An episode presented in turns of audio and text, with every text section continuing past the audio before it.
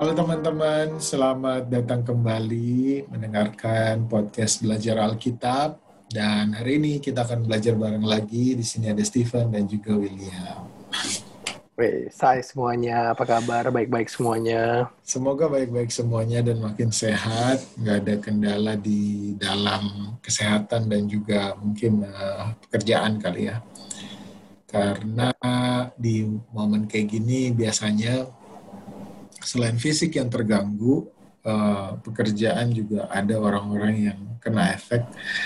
Cuma kadang kita juga nggak sadar bahwa kerohanian kita juga keganggu bahkan kerohanian keganggu ini itu mungkin kita nggak sadar lama gitu dari ada masalah nggak ada masalah ada hmm. pandemi ada bencana nggak ada bencana kita nggak sadar bahwa kita nih kerohaniannya bermasalah dan kita ada di masalah yang besar yaitu dosa Lalu kita juga nggak tahu gimana cara keluar dari jerat dosa ini karena kita nggak kenal sama Tuhan Yesus.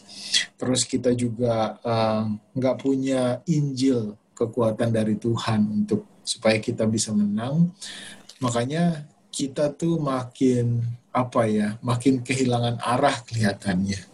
Banyak orang yang makin uh, berusaha tapi makin jatuh karena rata-rata mengandalkan kekuatan sendiri. Dulu gue juga punya pengalaman yang pakai kekuatan sendiri setiap saat dan selalu jatuh gitu dan setan selalu menang.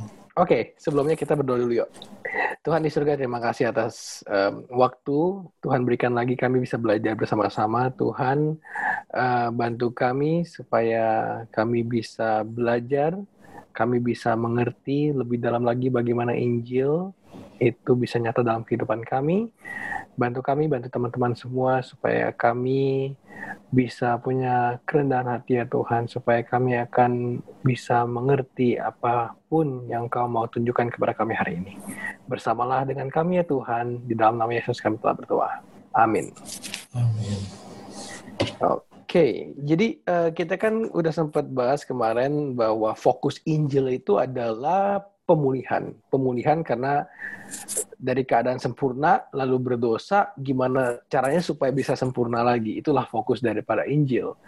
Nah, cuman sekarang yang kita mau bahas adalah gimana yang nyata, yang praktikal dalam kehidupan kita sehari-hari. Gimana kekuatan Allah itu bisa nyata dan nggak cuman kita ngomongin Injil, teori begini, tapi kayak gimana supaya itu bisa benar-benar relate buat kita. Nah, dan kita ingin belajar dari Yesus, uh, gimana Yesus uh, kasih experience ini kepada orang-orang selama Yesus ada di bumi ini. Oke, kita baca Lukas 4 ayat 18 sampai 19 dan juga 21. Roh Tuhan ada padaku oleh sebab Ia telah mengurapi aku untuk menyampaikan kabar baik kepada orang-orang miskin dan ia telah mengutus aku untuk memberitakan pembebasan kepada orang-orang tawanan dan penglihatan bagi orang-orang buta untuk membebaskan orang-orang yang tertindas untuk memberitakan tahun rahmat Tuhan telah datang. Ayat 21 Lalu ia memulai mengajar mereka katanya, pada hari ini genaplah nas ini sewaktu kamu mendengarnya. Hmm, sebenarnya ini ditulis oleh Nabi Yesaya hmm. untuk menubuatkan tentang Yesus. Dan hmm. Yesus sengaja pilih ayat ini untuk menggenapinya. Dan di sini uh, dibilang bahwa Yesus datang menyampaikan kabar baik. Tapi kalau bahasa Inggrisnya adalah gospel. Hmm. Jadi uh, Yesus sebenarnya itu paham betul bahwa pemulihan atau restoration itu harus terjadi di semua aspek kehidupan orang Kristen, hmm. Baik fisik, mental, sosial, dan kerohanian.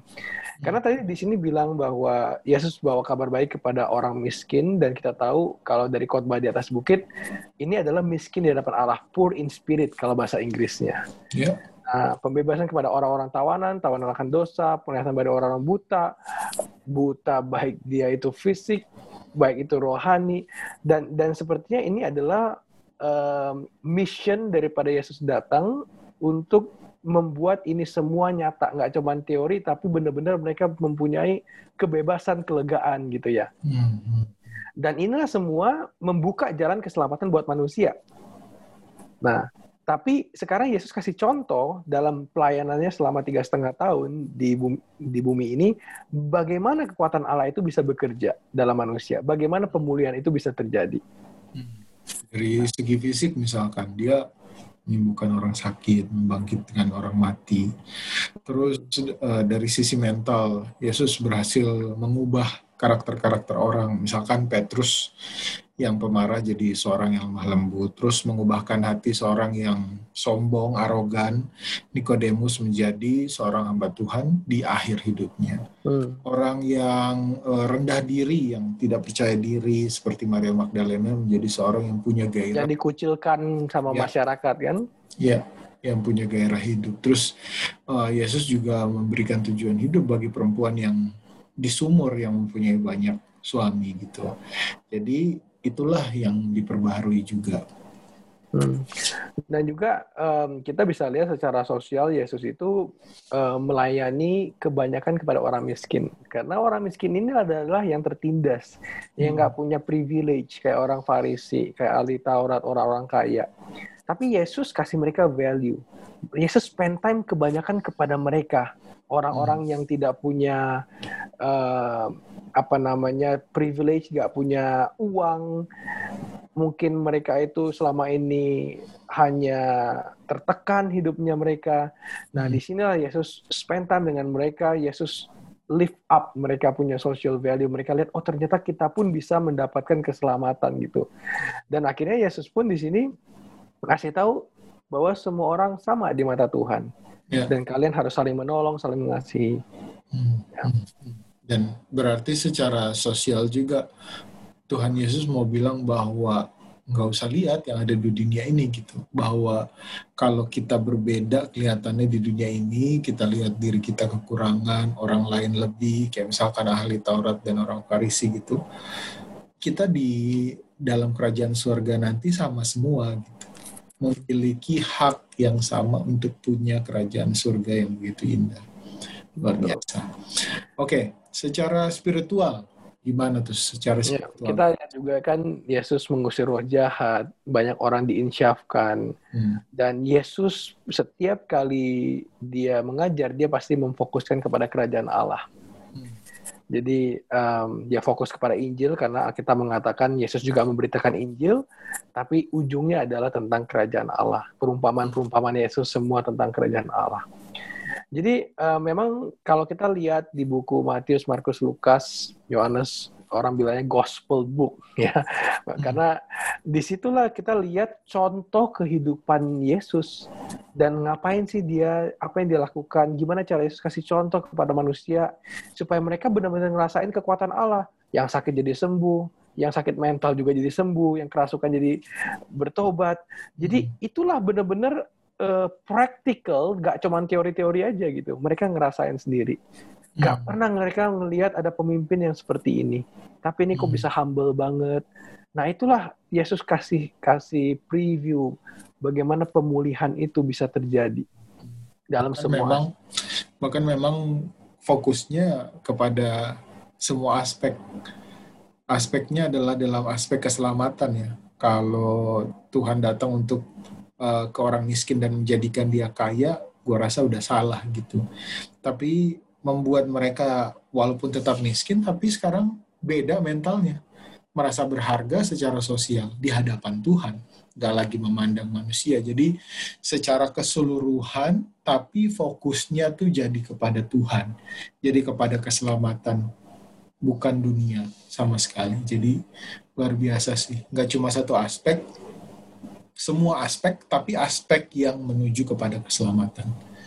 Yes, dan mungkin itu bisa dimulai dari fisik, mentalnya, tapi ujung-ujungnya berujung kepada kerohaniannya. Yes, yes. Oke, kita lanjut ya, baca Roma 8 ayat 28. Kita tahu sekarang bahwa Allah turut bekerja dalam segala sesuatu untuk mendatangkan kebaikan bagi mereka yang mengasihi dia, yaitu bagi mereka yang terpanggil sesuai dengan rencana Allah, sebab semua orang yang dipilihnya dari semula mereka juga ditentukannya dari semula untuk menjadi serupa dengan gambaran anaknya, supaya ia anaknya itu menjadi yang sulung di antara banyak saudara. Hmm. hmm. Ya, jadi uh, kalau ayat ini orang suka baca, oh ini tentang predestination biasanya ngomong gitu bahwa oh hmm. udah ditentukan siapa-siapa. Tapi sebenarnya enggak. Kita lihat uh, bahwa Allah itu mendatangkan kebaikan. Kebaikan itu apa? Sebenarnya adalah kerajaan Allah yang Tuhan siapkan buat kita.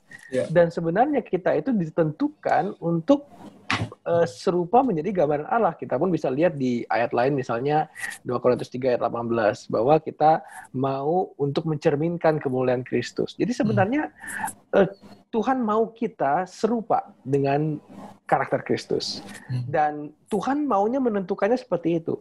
Tapi kita punya freedom of choice, kita mau tetap accept itu atau uh, enggak gitu. Yeah. Jadi um, tapi men eh, menurut ayat ini hidup kita katanya harus serupa dengan gambaran Yesus dalam semua aspek kehidupan. Hmm. Mungkin kita nggak sama Yesus hari ini nggak bisa lihat langsung, tapi kita tahu dari Alkitab Yesus ngapain aja, yeah. Yesus kayak gimana, dan itu jadi uh, patron buat kita. Hmm. Dan di sini menarik sih karena dibilang bahwa uh, kita ini kan selalu dibilang bahwa kita ini anak Allah gitu. Yesus adalah anak Allah dan di sini dia bilang bahwa uh, anaknya itu menjadi yang sulung di antara banyak saudara. Itu jadi kalau memang kita mau dianggap sebagai anak Allah, Yesus adalah contoh anak Allah yang sempurna gitu. Dan kita perlu mengikuti apa yang dilakukan Yesus. Betul sekali. Nah, sekarang yang kita udah tahu bahwa Tuhan mau kita uh, ikut Yesus, lihat Yesus, serupa seperti Yesus karena Yesus sudah kasih contoh di dunia ini. Hmm. Nah, cuman sekarang yang yang kita semua pasti ingin tahu adalah gimana kita bisa experience Injil atau kekuatan hmm. Allah itu secara nyata.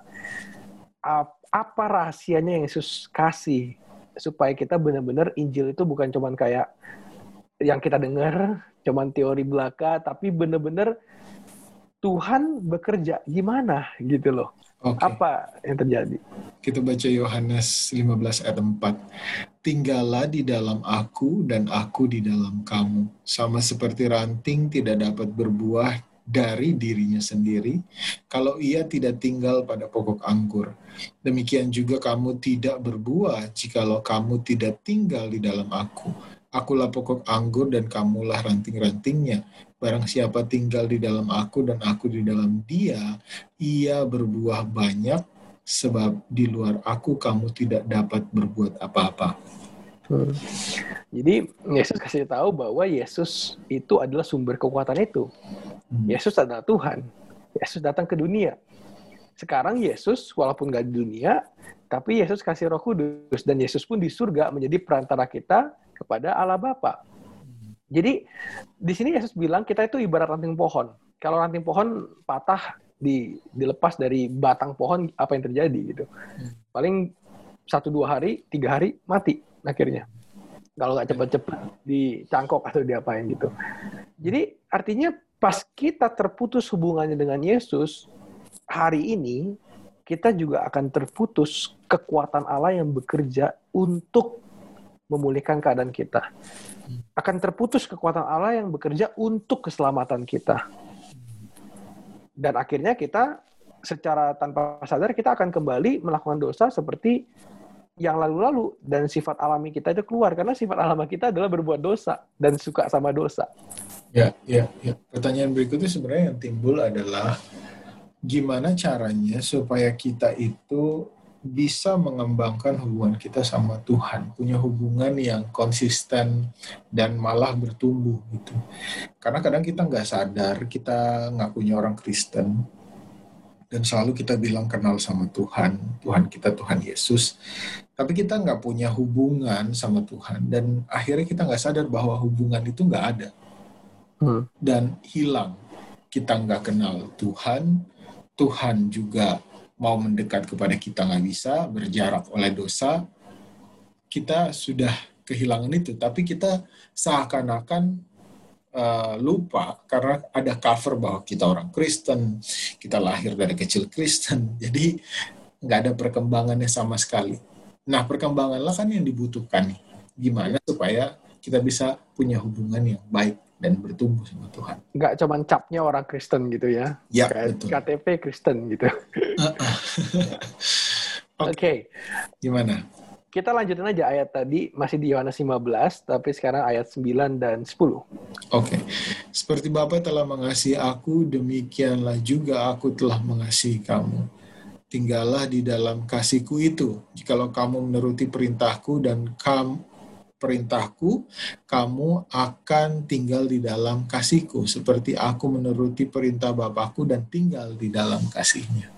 Ya, uh, sebenarnya waktu tadi kita belajar bahwa oh kita harus punya hubungan sama Yesus. Aduh, hmm. udah sering lah dengar kayak gitu-gitu. Yeah. Itu yang lebih real lah. Tapi ternyata Yesus emphasis lagi, waktu dia di dunia ini, dia itu Yesus itu selalu berhubungan dengan Bapaknya. Tinggal di dalam Bapaknya. Yang di surga nggak dia lihat, ya kan? Tapi Yesus kasih analogi ini, seperti aku menurut perintah Bapakku. Hmm. Nah sekarang kalau kita nggak bisa punya koneksi sama Allah Bapa, tapi kita bisa punya koneksi sama Yesus, jadi bagaimana Yesus menurut perintah Bapa, Yesus minta kita menurut perintahnya Yesus. Nah, kalau kayak gini kita jadi lebih, oh ternyata nggak cuman kayak teori-teori belaka ya, buktinya Yesus pun melakukan ini waktu Sesuatu. dia hmm. menjadi manusia. Kita juga manusia, berarti Yesus nggak minta sesuatu yang nggak mungkin. Ya. Berarti Yesus cuman mungkin gara-gara kita nggak pernah tahu hubungan kayak sama Yesus itu apa, kita merasa ini teori atau dongeng apa lagi nih gitu loh. Iya. Tapi itu yang Yesus lakukan sama Allah Bapa. Hmm. Dia nurut di sini dan ternyata di sini ada aspek penurutan di dalamnya. Apa yang dikatakan oleh Bapa ya itu yang Tuhan Yesus turuti gitu. Karena sebenarnya misalkan aja uh, pergumulan terberat Yesus kan pada saat sebelum dia disalibkan gitu. Berdoa kan hmm. bahwa kiranya cawan ini lewat gitu. Itu kehendak Yesus Yes. Tapi perintah dan rancangan Tuhan Allah Bapa adalah Yesus mati di kayu salib untuk menebus dosa manusia. Dan itu yang dia turuti. Bisa aja sebenarnya mungkin uh, ya walaupun kita ngerasa bahwa Tuhan nggak akan pernah gagal ya, tapi kalau dilihat secara manusianya, bisa aja Yesus gagal gitu. Bisa aja dia nggak mau menurut dan hari itu dia nggak usah ada di Getsemani gitu, misalnya. Ya, makanya penurutan penting. Dan kita ingin tahu gimana, karena kan kita ngomongin, oh Yesus punya hubungan sama Bapak, kita harus punya hubungan sama Yesus. Hmm. Sekarang supaya praktikal, gimana cara Yesus punya hubungan sama Bapak? Hmm. Karena dengan cara yang sama akan kita apply buat diri kita hari ini. Hmm. Ya kan? Nah, kita coba lihat keseharian Yesus, gimana cara dia berkomunikasi sama Bapak. Oke, contoh pertama ya. Markus 1 ayat 35. Pagi-pagi benar, waktu hari masih gelap, ia bangun dan pergi keluar. Ia pergi ke tempat yang sunyi dan berdoa di sana. Oke. Ya, pagi-pagi benar sebelum semua orang bangun, sebelum matahari terbit, Yesus ya. berdoa. Dan kalau kita lihat banyak banget ayat di Alkitab yang menulis bahwa Yesus selalu berdoa dan biasanya dia akan berdoa pagi-pagi benar atau malam-malam sekali pas orang udah pada tidur. Hmm. Dan, Dan kalau habis dia betul, habis dia berdoa uh, berkhotbah pun dia minta ada satu kali kalian pergi naik kapal dulu murid-murid aku ingin berdoa dulu sama Bapak. Yeah, dan yeah. dan sebenarnya Yesus itu siang pun atau kapan pun dia punya waktu untuk berdoa, dia itu selalu berdoa. Dia selalu berkomunikasi sama yes. Allah Bapa. Dan kalau Yesus pun butuh berdoa, siapa kita yang bilang kita nggak butuh berdoa? Hmm. Yesus aja yang Tuhan pada saat dia menjadi manusia, dia tetap butuh kekuatan dari Allah Bapa. Yes. Dengan doa dan menyerahkan rencana Tuhan kepada Allah Bapa gitu, rencana tentang hidup dia kepada Allah Bapa. Nah kita si manusia-manusia berdosa ini kadang merasa kuat gitu. Karena oh besok sudah terjadwal apa aja kegiatanku jadi aku udah tahu. Ya. uh, semua aspek seakan-akan oh di sini ada challenge dan aku akan melewatinya. Oh saya tahu untuk melewati uh, hadangan ini. Seakan-akan kita tahu. Dan sebenarnya uh, kita cuma pernah bahas sih di podcast sebelumnya, teman-teman mungkin bisa lihat kenapa kita harus berdoa, apa yang um, doa hmm. itu lakukan terhadap kita. Sebenarnya doa itu kalau secara singkatnya uh, doa itu adalah cara kita mencurahkan keluh kesah kita, menceritakan pergumulan kita kepada Tuhan. Dan dari doa pun kita bisa jadi kadang tersadar gitu bahwa Tuhan ini rencana aku tapi rencana Tuhan gimana. Nah, dan biasanya kenapa kita gak gitu suka berdoa? Karena kita tuh punya teman curhat. Dan kita lebih suka curhat ke orang, ke manusia, daripada ke Tuhan. Kita nggak pernah membiasakan diri curhat ke Tuhan. Yang sebenarnya Alkitab bilang, Yesus itu selalu menunggu kita untuk dan mendengarkan kita, perantara kita soalnya. Nah, um, kita bilang kita percaya bahwa Yesus perantara kita, tapi kita nggak menggunakan fasilitas itu. Kita curhatnya ke manusia yang ya mudah kadang-kadang sebenarnya bukan kadang-kadang kebanyakan itu sebenarnya nggak uh, nggak akan memberikan hasil yang banyak sih. Ya. Apalagi kalau punya teman curhat yang kerohaniannya juga kacau gitu. Kita makin kacau bersama. Oke, selanjutnya selain doa untuk melengkapinya harus apa yang dicontohkan Yesus di Lukas 2 ayat 46 dan 47. Sesudah tiga hari mereka menemukan dia dalam bait Allah. Ia sedang duduk di tengah-tengah alim ulama sambil mendengarkan mereka dan mengajukan pertanyaan-pertanyaan kepada mereka. Dan hmm. semua orang yang mendengar dia sangat heran akan kecerdasannya dan segala jawab yang diberikannya ini sebenarnya ceritanya waktu Yesus masih 12 tahun lalu dia uh, ketinggalan di bait Allah. Dan kalau di dalam bahasa Inggris itu dikatakan his understanding and answers. Jadi bukan cuma dia bisa menjawab, tapi dia punya pengertian. Dan yang, yang waktu itu Yesus itu selama tiga hari itu dia itu bertanya, berdebat, menjawab semua hal-hal tentang Taurat, hmm. tentang Firman Allah. Karena, karena sebenarnya dia juga belajar secara pribadi firman Tuhan itu yang yes. Taurat yang sekarang Alkitab gitu. Ya, dan kita pun tahu waktu Yesus uh, dicobai sama iblis setelah dia berpuasa dan dia selalu menjawab dengan ada tertulis. Ya, ya, ya. Jadi kalau hari ini ibaratnya kita itu hafal semua Alkitab firman Allah di mana aja tinggal dia bilang ada tertulis di ayat ini, kamu nggak hmm. boleh kayak gini, nggak boleh kayak gitu. Jadi memang itu kelihatan bahwa Yesus itu menguasai firman Allah yang adalah perintah Allah Bapa, adalah perintah Tuhan buat manusia. Dan Yesus juga akhirnya bisa nggak jatuh ke dalam dosa karena iblis tuh mencobai dia dengan firman Tuhan juga. Ya. Yang kadang kita juga ngerasa bahwa kok firman Tuhan yang ini mendukung saya ke dalam dosa ya? Padahal kita sebenarnya nggak ngerti sedalamnya dalam tentang firman tersebut gitu. Kita salah interpretasi atau kita mendengarkan orang nggak belajar sendiri. Akhirnya kita malah kayak oh ya udah firman Tuhannya kayaknya kompromi nih kita kompromi deh gitu.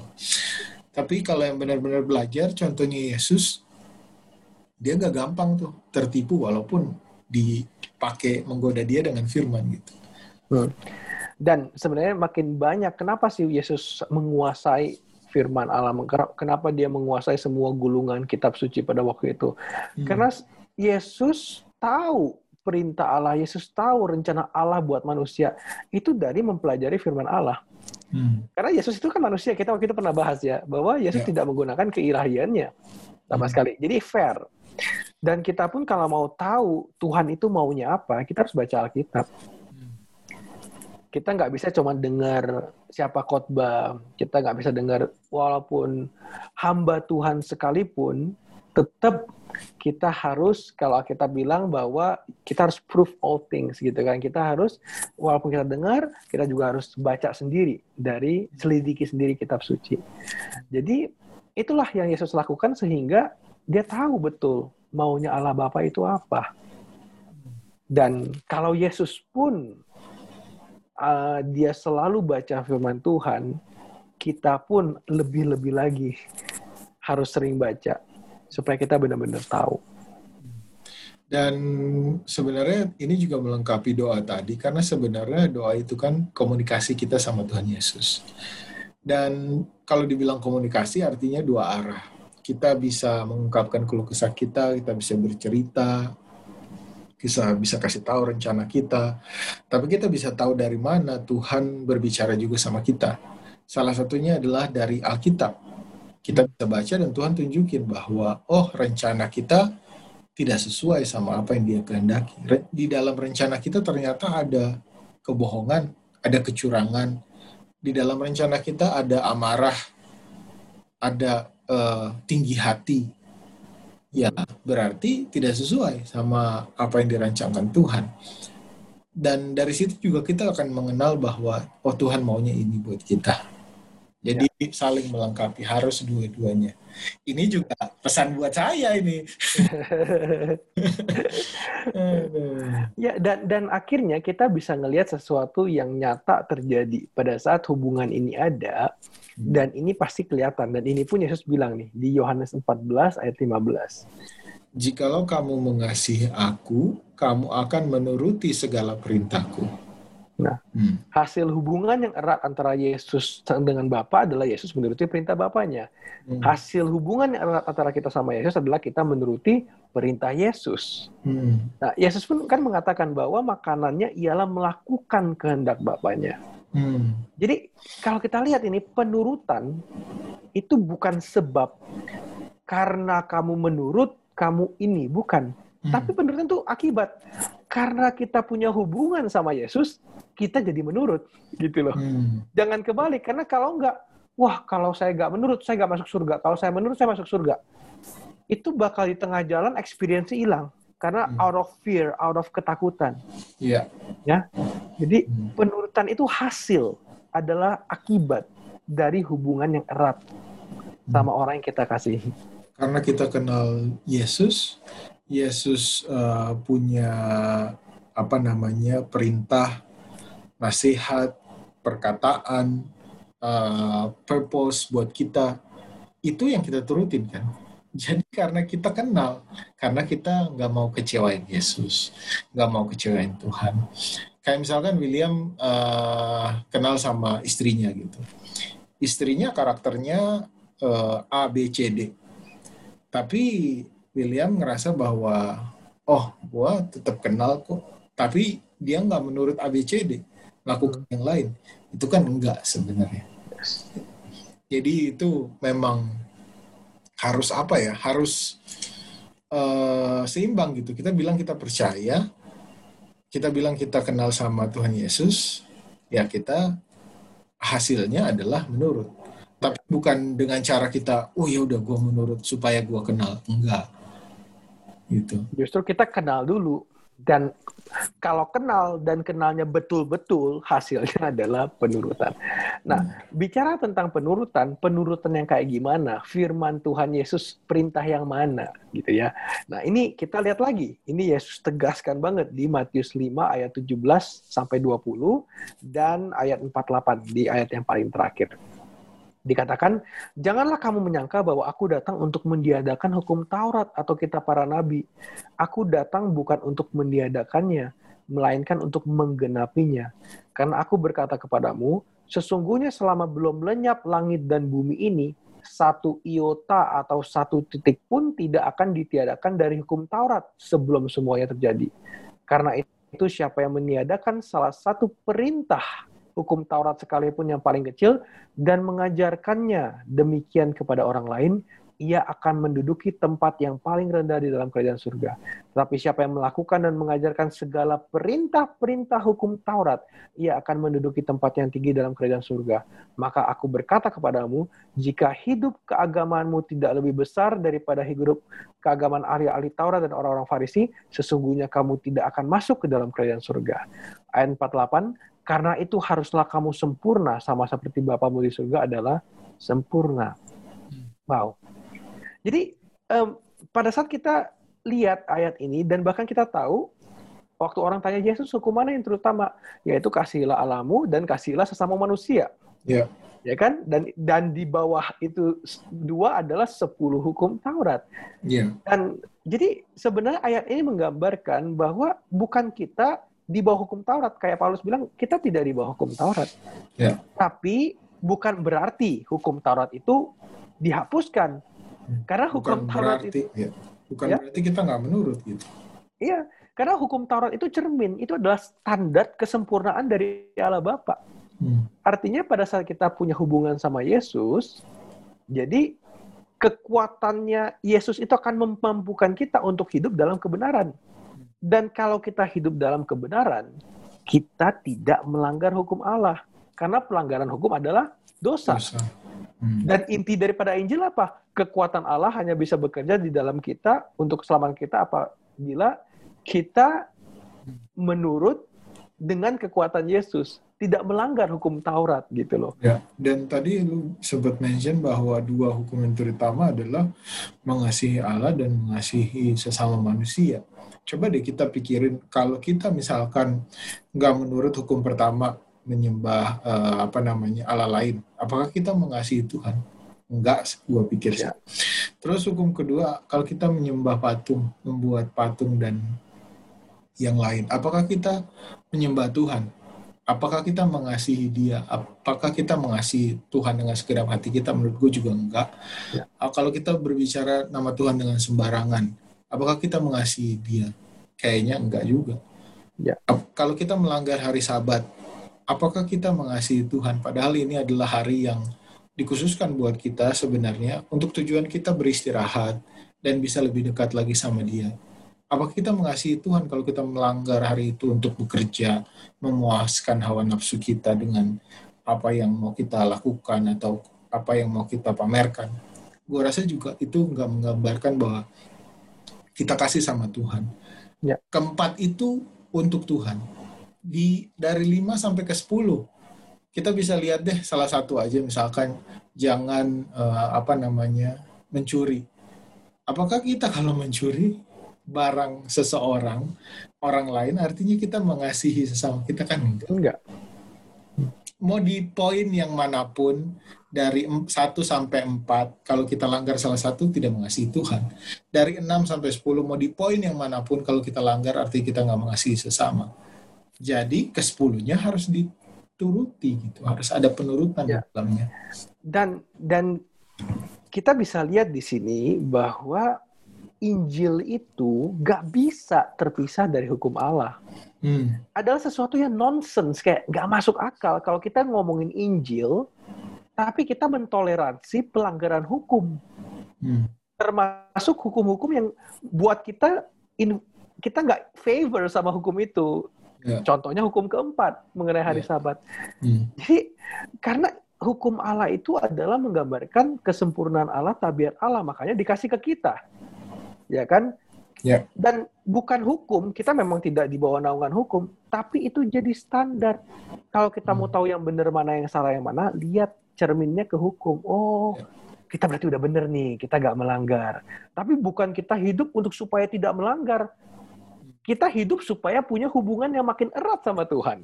Supaya kekuatan Allah itu bekerja. Karena sebenarnya nggak akan bisa deh kalau nggak punya kekuatan Allah di dalam hidup kita untuk nggak melanggar gitu. Ya. Yang ada kita akan cuma kayak mau supaya orang lihat bahwa kita nggak melanggar dengan nampakkan diri seakan-akan kita nggak melanggar. Padahal kita dalam hati pun tahu bahwa kita banyak pelanggaran akan hukum Tuhan. Dan gak gampang, gak segampang karena hanya 10 ya. Itu susah banget. Tapi makanya kita butuh Injil tadi, kekuatan Tuhan gitu. Dan uh, nambahin sedikit kalau ngomongin soal hukum Tuhan adalah karakter Tuhan gitu. Misalkan gue datang ke rumah William, di rumah William itu ada peraturan di dalamnya. Misalkan gue harus copot sepatu sebelum masuk ke rumahnya. Salah satunya itu misalkan. Tapi karena gue dengan sotoynya, gue main masuk aja dengan sepatu gue yang kotor misalkan. Kotor dong. Hmm. Uh, pasti di dalam hati dan uh, pikiran William pasti dia sedikit sebel dan pasti itu adalah hal yang salah menurut dia karena peraturannya udah jelas gitu. Nah, begitu juga dengan 10 hukum ini gitu. Gak bisa satupun di dilanggar dengan sesuka hati karena kita ngerasa bahwa oh gue udah Kristen, oh gue udah mengenal Tuhan. Artinya kita nggak kenal karena kita nggak tahu Tuhan tuh karakternya 10 ini yang dia mau gitu.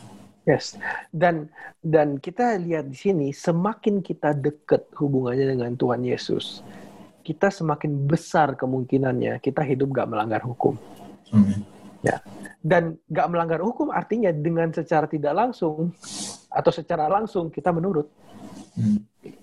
Ya, jadi memang ini sesuatu yang yang antara iya atau tidak, antara menurut atau melanggar.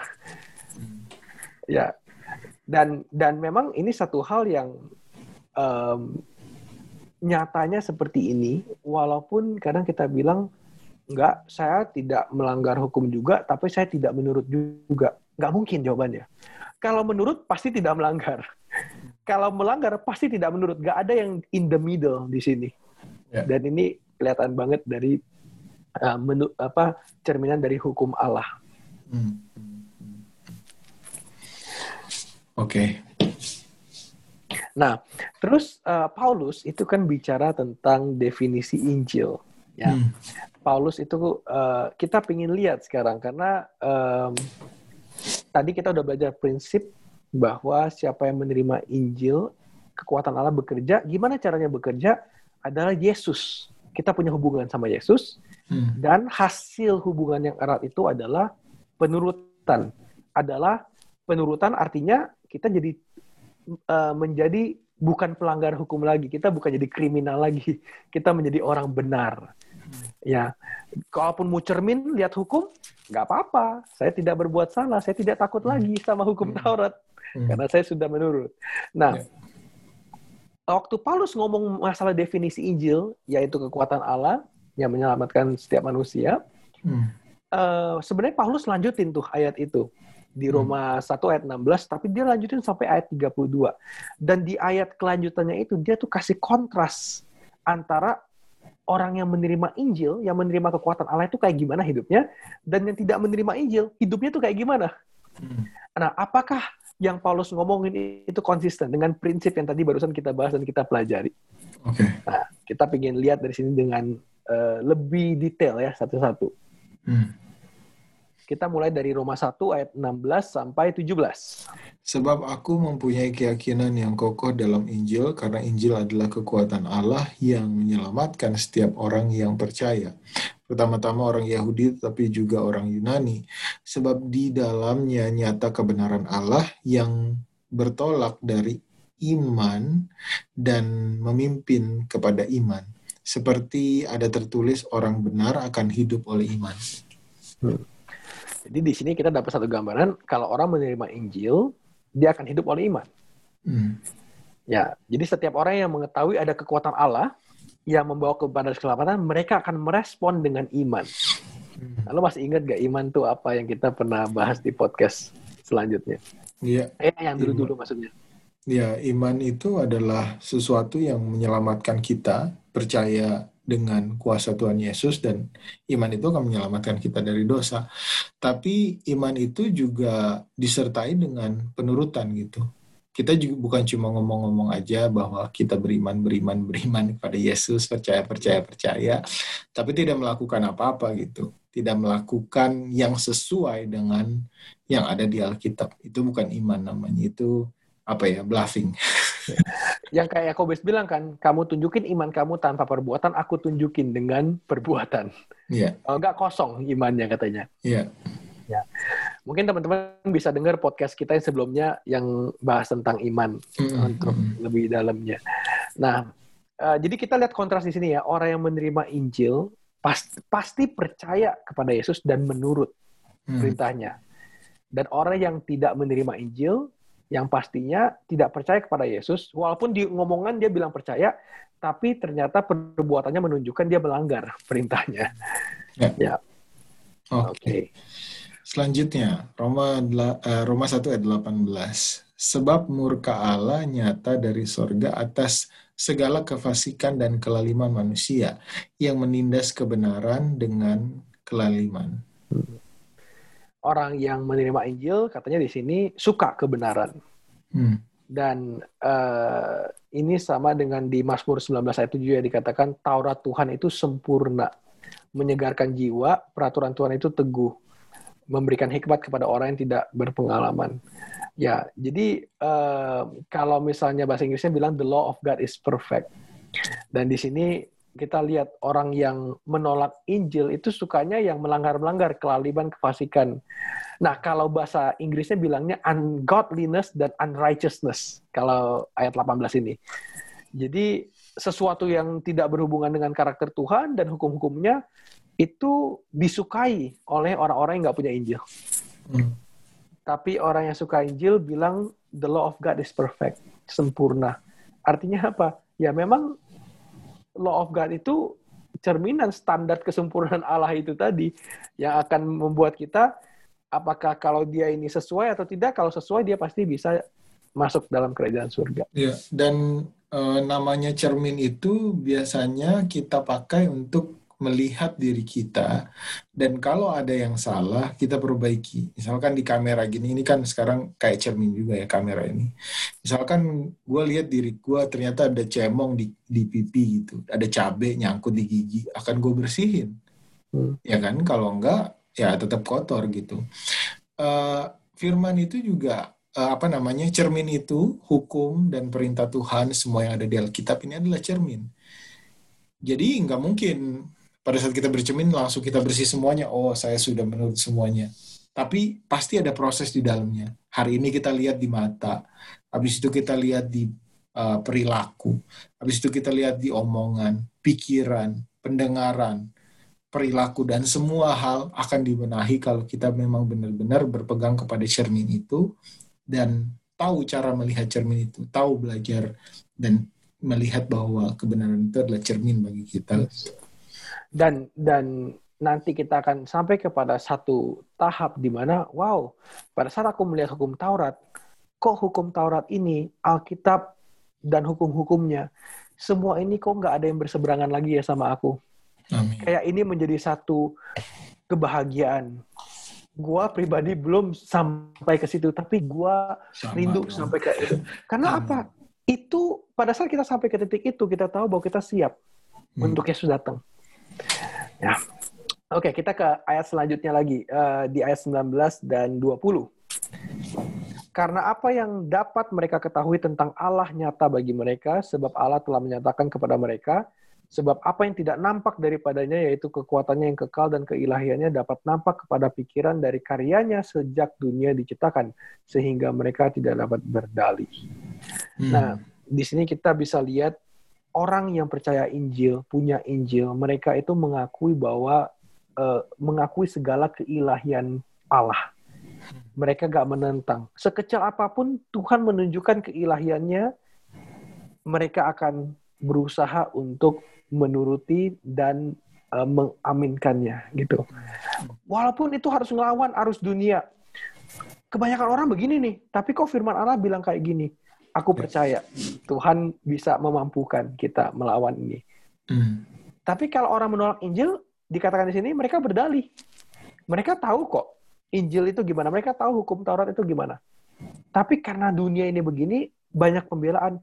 Tapi Tuhan ini begini, tapi orang begini, tapi itu begini.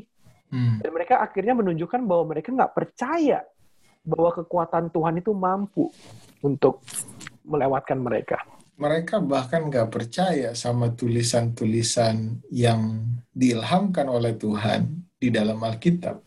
Atau bahkan perkataan Tuhan Yesus pun kadang masih ada yang dikompromikan. Artinya, kalau kita bilang percaya sama seseorang kan kita percaya akan perkataannya. Kalau enggak ya enggak gitu.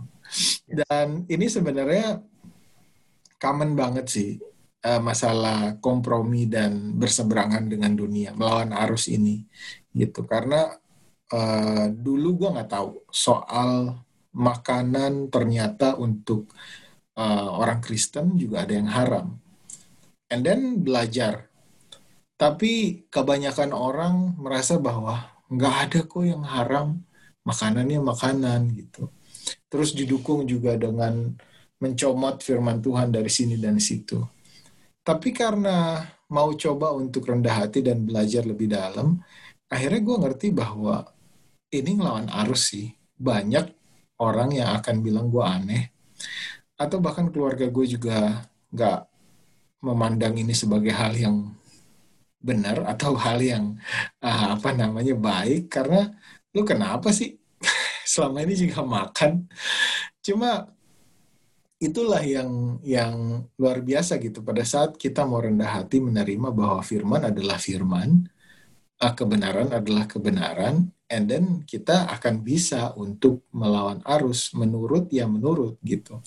Nah, kalau teman-teman bingung emang ada ya uh, makanan haram buat uh, orang Kristen? Ada jawabannya. Dan itu kita ada dua podcast tentang makanan haram uh, uh, kalian aja cari uh, cari aja keywordnya haram itu ada dan ya di situ kita juga mungkin salah satunya juga yang akan merasa bahwa lawan arus adalah tentang penurutan hari Sabat. Kita ada dua episode tentang hari Sabat. Yang satu adalah hari Sabat yang benar dan apa itu Sabat. Uh, di situ kita akan ngerasa bahwa, aduh, dari Alkitab sih, tapi kalau gue melakukan ini, gue akan melawan arus semua kebanyakan orang Kristen misalkan atau bahkan melawan arus keluarga sendiri. Dan kita perlu kerendahan hati berdoa sama Tuhan. Jadi teman-teman yang belum dengar belum belajar bareng soal episode itu coba rendahkan hati untuk belajar. Siapa tahu benar-benar dapat kebenaran dari Tuhan Thank you sharingnya, Pen. Um, sekarang kita mau lanjut lagi ke ayat selanjutnya ayat Romasi di Roma 1 ayat 21 sampai 22. Sebab sekalipun mereka mengenal Allah, mereka tidak memuliakan Dia sebagai Allah atau mengucap syukur kepadanya. Sebaliknya, pikiran mereka menjadi sia-sia dan hati mereka yang bodoh menjadi gelap. Mereka berbuat seolah-olah mereka penuh hikmat, tetapi mereka telah menjadi bodoh. Hmm. Nah, di sini kita lihat lagi bahwa yang percaya Injil, punya Injil, mereka memuliakan Allah, bukan memuliakan diri sendiri. Hmm. Mereka mengucap syukur. Mereka sadar mereka itu yang bodoh. Hmm. Tapi seluruh perintah Allah itu hikmat. Yeah. Dan mereka selalu sadar bahwa mereka itu berdosa. Hmm. Hmm. Nah, hmm. Tapi beda. Kalau misalnya nggak punya Injil, katanya di sini mereka nggak memuliakan Allah. Berarti hmm. mereka memuliakan yang lain. Yang hmm. mana itu adalah biasanya self, diri sendiri. Yeah. Lalu mereka selalu mengabarkan hikmat mereka. Gua begini, gua begitu. Seakan-akan penuh hikmat ya. Dan mungkin uh, walaupun mereka nggak ngaku mereka pamer, tapi dalam lubuk hatinya itu suka meninggikan diri. Hmm. Sering nggak sadar bahwa sebenarnya Tuhanlah yang sumber hikmat dan bahkan sumber rezeki atau apa pun itu achievement yang kita dapat. Hmm. Dan bahkan kayak mungkin lu juga bisa share di sini. Belakangan nih kita mulai memperhatikan apa yang kita post misalkan di sosial media. Kita mulai bertanya-tanya apakah uh, apa yang gue share ini pamer apa enggak ya? Apakah uh, ini adalah meninggikan diri atau bisa menginspirasi orang ya? Karena kita belajar tentang kebenaran ini bahwa kita harus rendah hati gitu sedangkan kita melakukan share atau uh, apa namanya memberikan sesuatu di sosial media tuh kadang untuk mendapatkan likes, kadang untuk kasih lihat kita punya barang baru atau kadang untuk kasih tahu bahwa oh kita sekarang uh, punya lifestyle yang oke okay, gitu. Nah akan ada ada cerminannya kan karena kita udah belajar gitu. Ya. Tapi kalau nggak belajar sama sekali nggak akan ada cerminan dan nggak akan tahu juga gitu. Jadi seolah-olah penuh hikmat, seolah-olah melakukan yang Ya. Dan menurut gua sih fair-fair aja ya orang kalau mau dapat banyak follower atau dia mungkin hmm. punya karena di situ sumber mata pencariannya oh kenapa enggak gitu loh. Yes, betul. Cuman kalau ngelihat firman Tuhan jangan sampai kita itu nonjolin apa di situ. Apakah hmm. kita mau memuliakan Allah atau diri kita. Dan tapi gue bisa bilang bahwa nggak uh, bisa dipungkiri sosial media itu memang tujuannya buat kalau kata bagusnya sharing, tapi sebenarnya adalah buat pamer gitu loh, yeah. ya kan? Dan achievement apa yang kita punya, bagaimana orang follow kita karena achievement kita. So hmm. uh, harus hati-hati aja di situ, karena masalah yeah. ini kan cuma kita sama Tuhan yang tahu. Hmm. Dan sebenarnya masih bukannya jadi ngelarang untuk uh, bersosial media dan segala macam, enggak juga. Tapi uh, kita mesti pikirin bahwa yang tadi William bilang, apa yang kita share, apakah itu membuat diri kita menjadi tinggi, atau sebenarnya orang lihat itu, wah luar biasa ya orang Kristen ini, wah oh, Tuhannya mengajarkan seperti ini, kitabnya mengajarkan seperti ini, dan dia melakukannya gitu. Dibanding kayak, wah luar biasa ya, dapat banyak rezeki, tapi kayaknya nipu deh, gitu. kan saya gitu. Ya, oke okay, kita lihat lagi kontrasnya. Roma saat masih di Roma 1, tapi sekarang ayat 23. Roma Mereka 1, menggantikan, ya. ya Roma 1 ayat 23 ya. Mereka menggantikan kemuliaan Allah yang tidak fana dengan gambaran yang mirip dengan manusia yang fana, burung-burung binatang-binatang yang berkaki empat atau binatang-binatang yang menjalar. Hmm. Nah, ini juga um, orang yang menerima Injil gak mungkin melakukan ini karena mereka memuliakan Allah dengan tabiat mereka bukan dengan membuat image atau patung atau hal-hal yang bisa merepresentasikan Allah. Dan dan ini kan tadi kita lihat ya Injil kita udah bahas bahwa Injil nggak bisa terpisah sama hukum Allah. Itu nonsense. Hmm. dan di sini kelihatan banget orang yang tidak menerima Injil membuat patung membuat image. Itu melanggar hukum ke satu melanggar hukum kedua dan akhirnya pun melanggar semuanya nanti jadinya. Hmm. karena mereka merendahkan kemuliaan Allah.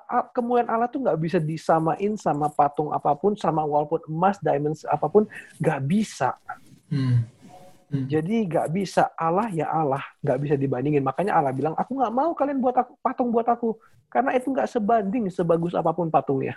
Iya, ya, karena memang kelihatannya bagus gitu, oh art gitu, seni. Tapi kalau kita akhirnya terjebak di dalam situ dan berdoa harus ke situ, menganggap itu suci dan segala macam gitu. Kita lagi membuat Allah seakan-akan tidak bergerak, tidak bisa berkata, tidak bisa melakukan apa-apa karena patung gitu. Hmm. Oke, kita lihat lagi. Nah, ini juga menarik uh, di ayat 24 sampai 28.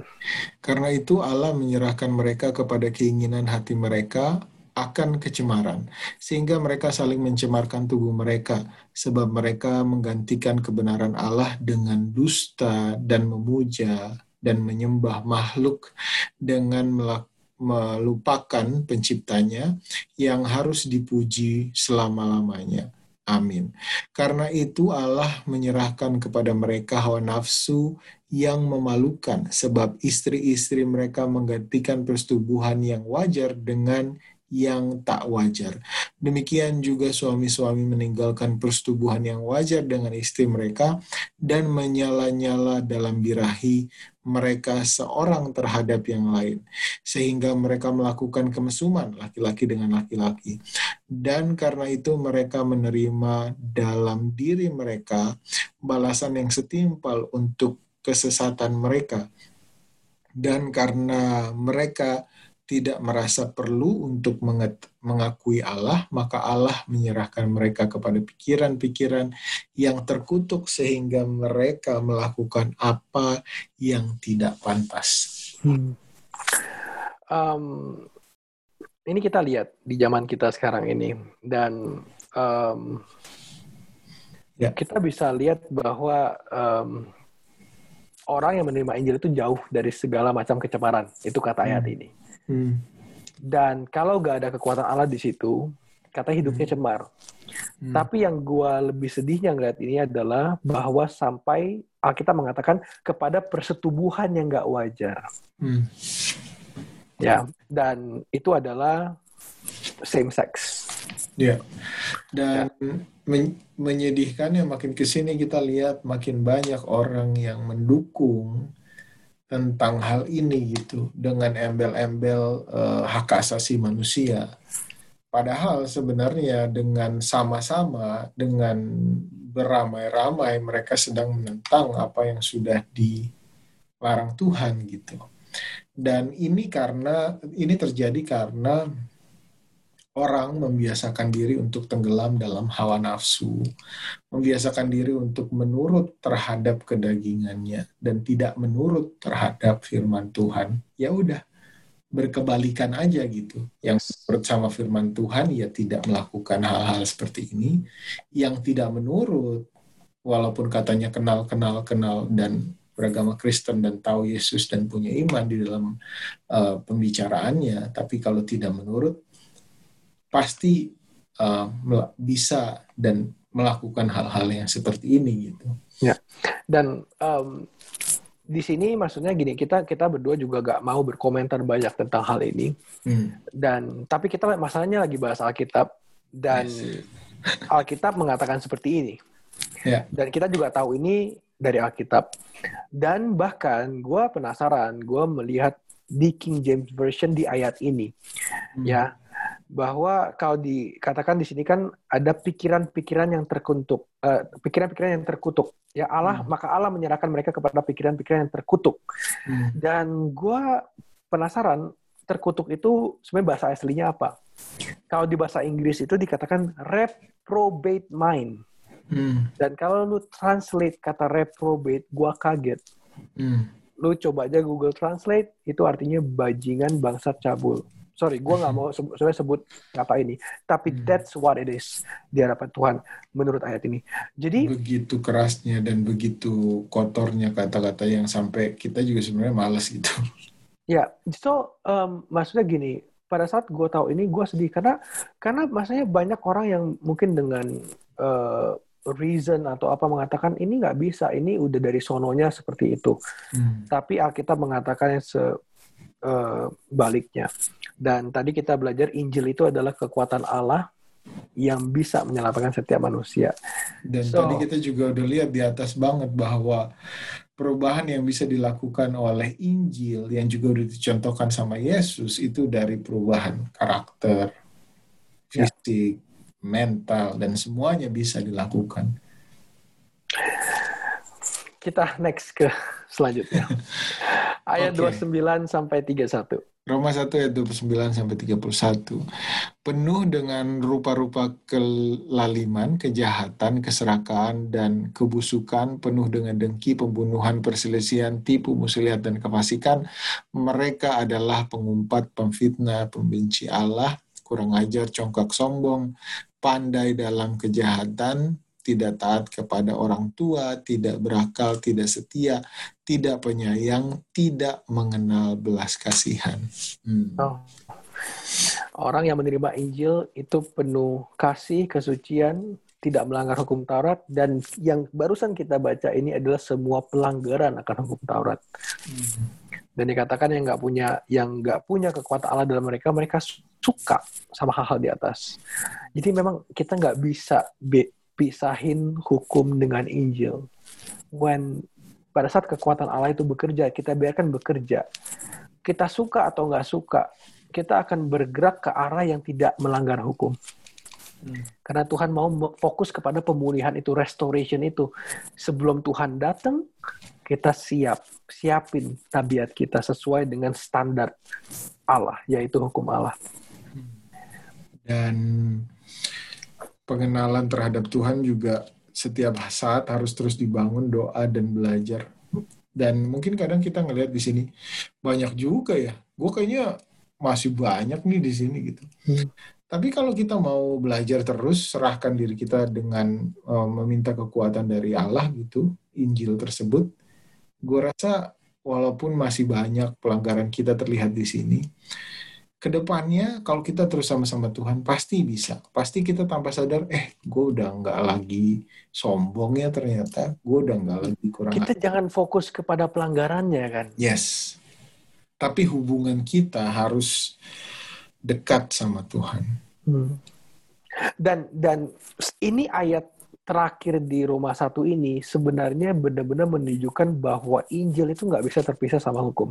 Dia bilang kayak gini di ayat 32, Roma 1 ayat 32 ya. Sebab walaupun mereka mengetahui tuntutan-tuntutan hukum Allah, yaitu bahwa setiap orang yang melakukan hal-hal demikian patut dihukum mati, mereka bukan saja melakukannya sendiri, tetapi mereka juga setuju dengan mereka yang melakukannya.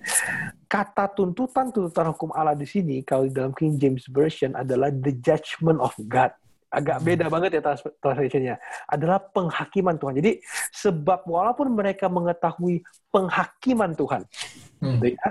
nah kalau kata Gerikanya itu di kaioma, artinya perbuatan adil, sebuah undang-undang atau keputusan penghakiman atau apa yang telah ditetapkan oleh hukum. Hmm. Jadi sebenarnya di sini ayat ini ngomongin orang yang menerima Injil, mereka tahu tentang penghakiman Allah dan penghakiman Allah yang didasarkan hukum Allah. Gimana lu bisa nentuin yang benar atau yang salah kalau nggak ada hukumnya? Ya kan kita di pengadilan tuh benar atau salah, hakim itu melihat daripada undang-undang. Di surga penghakiman terjadi juga ada undang-undang, ada hukum Allah. Dan yang menerima Injil ini hidup mereka nggak berseberangan dengan hukum Allah. Tapi katanya yang nggak punya Injil ini, mereka sengaja menentang hukum Allah dan menganggapnya tidak punya andil dalam penghakiman. Ya itu tadi, kita sudah tidak lagi di bawah hukum Taurat, jadi kita boleh berbuat dosa dong. Nanti tinggal minta ampun. Seolah-olah penghakiman itu tanpa ada dasar hukum, hmm. which is impossible. Kalau enggak itu bukan penghakiman namanya, bukan judgment namanya. Hmm. Hmm. Hmm. Kelihatan nggak sih kontrasnya di di sini? Iya. Dan orang yang benar-benar menerima Injil tadi uh, akan berjalan ke arah pemulihan itu, hmm. ke arah kesempurnaan tabiat Kristus, kepada kesucian, kepada hidup berdampingan dengan hukum Allah, dan kepada persiapan untuk menantikan kedatangan Tuhan yang kedua kali hmm. bertemu dengan Tuhan Yesus Allah Bapa. Ya. Dan pada saat kekuatan Allah itu, Injil itu nggak ada sama kita. Hmm. Kita nggak tanpa sadar tiba-tiba kita nggak mencerminkan karakter Allah, tapi karakter musuhnya Allah. ya. Ya, ya, ya, ya. Jadi kita udah belajar bahwa melalui Injil itu memang adalah kekuatan Allah dan gimana cara praktikal lihatnya punya hubungan sama Tuhan hmm. dan akan kelihatan dari mana? Dari penurutannya. Itu hmm. itu respon alamiah. Dan gimana kita tahu kita udah menurut? patokannya standarnya adalah hukum Allah. Kita hmm. bisa kok bilang, men, gue udah menurut. Hmm. Tapi pas dibandingin sama hukum Allah, lah kok kayak kagak sesuai. Berarti belum menurut. Itu cuma omongannya bisa aja ngomong menurut kan? Hmm. Ya. Dan kita yang tahu sih diri kita seperti apa.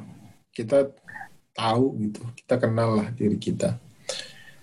Mungkin gue kalau mau summarize gini, Injil itu bukan teori Injil hmm. itu bukan doktrin yang dikotbahkan, yang dikeluarkan, tapi Injil itu adalah real life transformation.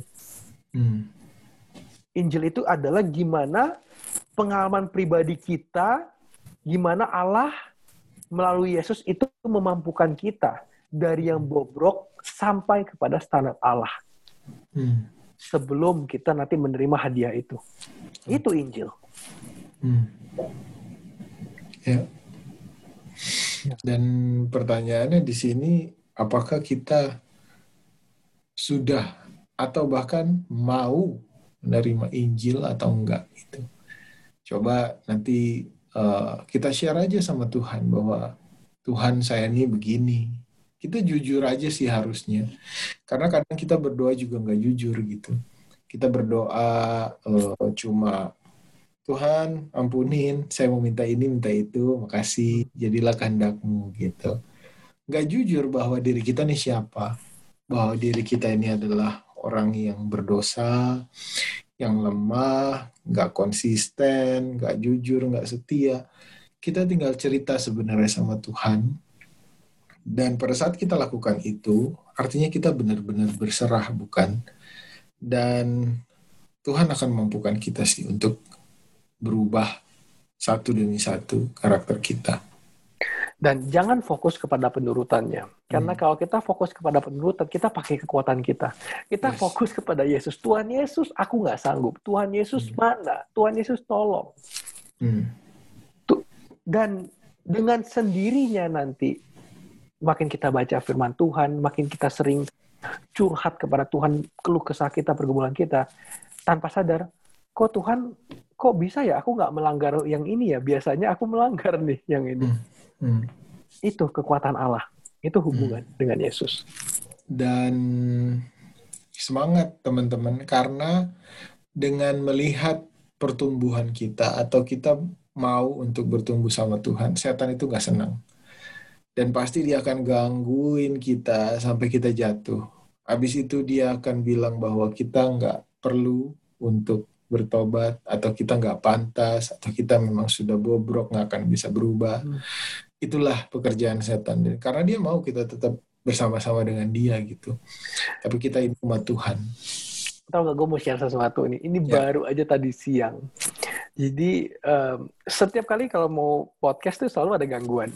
Hmm. Dan ini tuh bener-bener gue sampai tadi bilang ke Stephen, aduh gue tuh sebenarnya ngantuk gitu. Karena gue capek. Kenapa yeah. sih gue capek? Karena tadi siang gue lagi ngurusin satu urusan yang mana kayaknya tuh nggak ada jalan keluar gitu loh. Kayaknya hmm. karena dia berhubungan dengan orang dan orang itu kayaknya aduh bener-bener dan gue udah percaya tapi aduh kok begini gitu loh responnya. Hmm dan hmm. nggak hmm. ada kabar nggak ada apa dan ini bukan kejadian udah sekali dua kali ini udah kejadian yang sering hmm. dan gue udah sampai ke titik Tuhan tiap kali aku berdoa Tuhan selalu bukain jalan seolah-olah aku harus terus sama orang ini. Hmm. Tapi sekarang aku tuh dari tahap kayak Tuhan ini bukan kejadian yang cuman sa satu kali dalam sebulan. Ini bisa hampir tiap hari hadapin kayak gini. Hmm. Dan dan istri gue ngelihat dan gue sampai aduh kok begini banget padahal kan kita kalau misalnya sampai jadi maksudnya kalau misalnya ini nggak bisa terselesaikan, uh, bukankah kita harus memuliakan nama Tuhan? Gimana gue bisa memuliakan nama Tuhan pada saat gue pun sendiri bergumul gitu? Gue bilang kayak gitu ke istri gue. Yeah. Dan tapi uh, istri gue bilang, uh, tapi ya gue banyak perubahannya di mana biasanya udah marah-marah nggak jelas, ini agak keredam. Terus gue cuma pikir karena karena podcast ini yang bahan ini terngiang. Gue cuma mikir Tuhan kalau bisa janganlah ada pelanggaran hukum yang keluar dari apa kata-kata atau tindakan gue yang tahu lah kalau orang marah tuh kayak gimana gitu kan bisa yeah. berbuat dosa kita yeah. dan dan tiba-tiba karena gue bisa gue jadi kayak curhat ke istri gue dan istri gue bilang berdoa berdoa gitu. Padahal dia dia nggak tahu sih kita lagi bahas ini. Hmm. Jadi uh, gue cuma pikir bahwa ya puji Tuhan ya pada saat kita bisa ingat aja bahwa Tuhan jangan sampai aku jadi melanggar perintah Tuhan karena karena pergumulan aku yang ini. Hmm. Dan gue benar-benar berdoa kayak gitu. Dan tiba-tiba pas sore setelah ini ya habis berdoa nothing happen tapi cuma belajar untuk trust aja gitu loh. Hmm eh sore tiba-tiba gue udah bisa kontak lagi orangnya dan segala macem dan dan sepertinya ada jalan keluar lagi. Jadi kayak aduh seandainya tadi gue sempet me, apa gak nahan emosi gue maksudnya kayak hmm. gue biarkan gitu ya bahwa Tuhan no it doesn't work. Dan kayak gitu loh. Cuman memang berat banget. Gak segampang yang gue ngomong sekarang tapi gue inget kata-kata istri gue tadi. Nanti uh, sekarang you bisa kayak gini nih kayak berkeluh karena istri gue lihat gue kayak berkeluh kesah banget kayak orang yang nggak punya pengharapan. Tapi istri gue bilang nanti you akan bisa lihat kalau ini udah lewat. Uh, you hmm. jadi kayak gue lihat dia benar juga sih. Cuman pada saat kejadian itu lo kayak aduh kayak pinginnya berbuat mengeluarkan sifat manusia lu aja gitu. Ya, itu ya. yang benar-benar gue gua rasakan hari ini Iya, dan setan senang untuk melakukan hal-hal itu kepada kita yang mau untuk belajar, bertumbuh, punya transformasi yang benar-benar gitu. Karena ya kita emang pada dasarnya dalam dosa dan setan uh, senang gitu untuk menguasai kita. Dia nggak mau supaya kita menurut. Hmm. Jadi uh, teman-teman juga namanya berjuang pasti kadang pakai akal dan pikiran sendiri untuk menang. Tapi kalah kalah kalah kalah gitu. Hmm. dan di situlah setan memanfaatkan kita gitu. Karena lagi-lagi kita mau diminta untuk uh, mau berubah tapi pakai kekuatan sendiri. Mesti pakai kekuatan Tuhan sih mesti pakai Injil. Dan yang paling penting lagi kita udah belajar minggu lalu bahwa Injil ini juga bertujuan untuk kasih kita pengharapan yang lebih luar biasa dibanding semua masalah yang terjadi di bumi atau semua uh, cita-cita kita yang ada di bumi ini. Hmm. Karena Injil ini adalah pengharapan bahwa kita akan kembali bersama-sama dengan Tuhan, kita punya uh, tempat yang sebenarnya harusnya kita ada di sana, yaitu di Taman Eden, di surga gitu. Dan kita dijanjikan untuk kembali kepada kemuliaan dan hidup yang kekal. Jadi lebih baik kita fokus ke hal-hal yang seperti itu, fokus kepada Tuhan dan janjinya daripada kita fokus ke hal-hal yang memang bikin kita sedih, kecewa dan uh, marah karena itulah yang ada di bumi. Sedangkan nanti di surga, Taman Eden, Yerusalem baru, Tuhan janji udah nggak ada kesedihan, nggak ada air mata, sakit penyakit, kekecewaan, dan lain-lain. Hmm. Gitu. Ya. Wow. Ya, gue um, pingin ngajak teman-teman sih untuk ini. Maksudnya kita semua tiap hari pasti ngadapin masalah, kita pasti bisa marah. Tapi mulai hari ini coba pada saat kita marah kita berdoa Tuhan, kalau kekuatan Allah ini real, aku pingin merasakan ini. Jangan sampai aku berbuat dosa pada saat aku marah ini. Hmm. Karena um, kita gak usah ngomong penurutan. Kalau Tuhan mampukan kita untuk tidak melanggar hukum Allah, itu hmm. udah penurutan. Hmm. Karena itu sesuatu yang sangat kontras gitu. Hmm. Dan dan it works gitu. Bisa sesuatu yang bisa kita testify. And and that is the gospel. Itulah Injil. Dan ya seberapa kecil pun experience yang kita rasa, Injil adalah Injil. Kekuatan Allah adalah kekuatan Allah. Hmm. Yang bekerja dalam diri kita. Ya.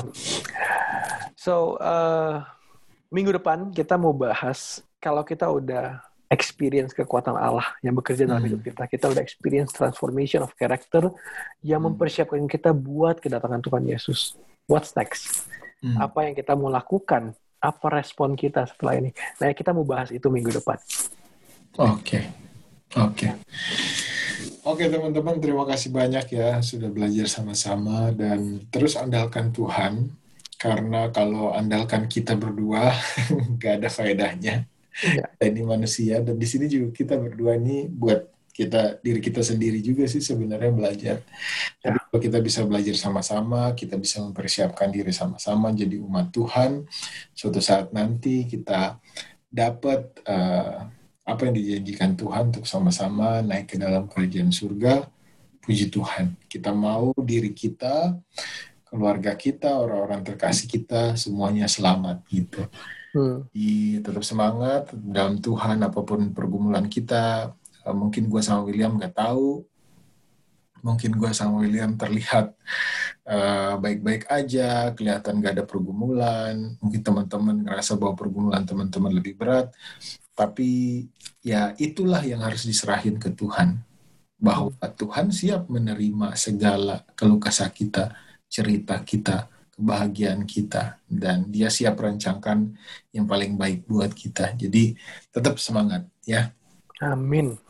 Oke, kita uh, bisa ditemuin di podcast di uh, Spotify, ada di Anchor, uh, tayangnya setiap Rabu biasanya untuk pelajaran yang baru, belajar sama-sama. Terus kita juga ada ada Instagram, uh, belajar Alkitab Podcast, bisa DM di situ atau teman-teman bisa cek jadwal kita untuk belajar sama-sama di hari Sabtu jam 10 pagi. Setiap Sabtu jam 10 pagi itu kita biasanya belajar, nanti linknya kita share di Instagramnya uh, Belajar Alkitab Podcast. Oke, mari kita berdoa ya.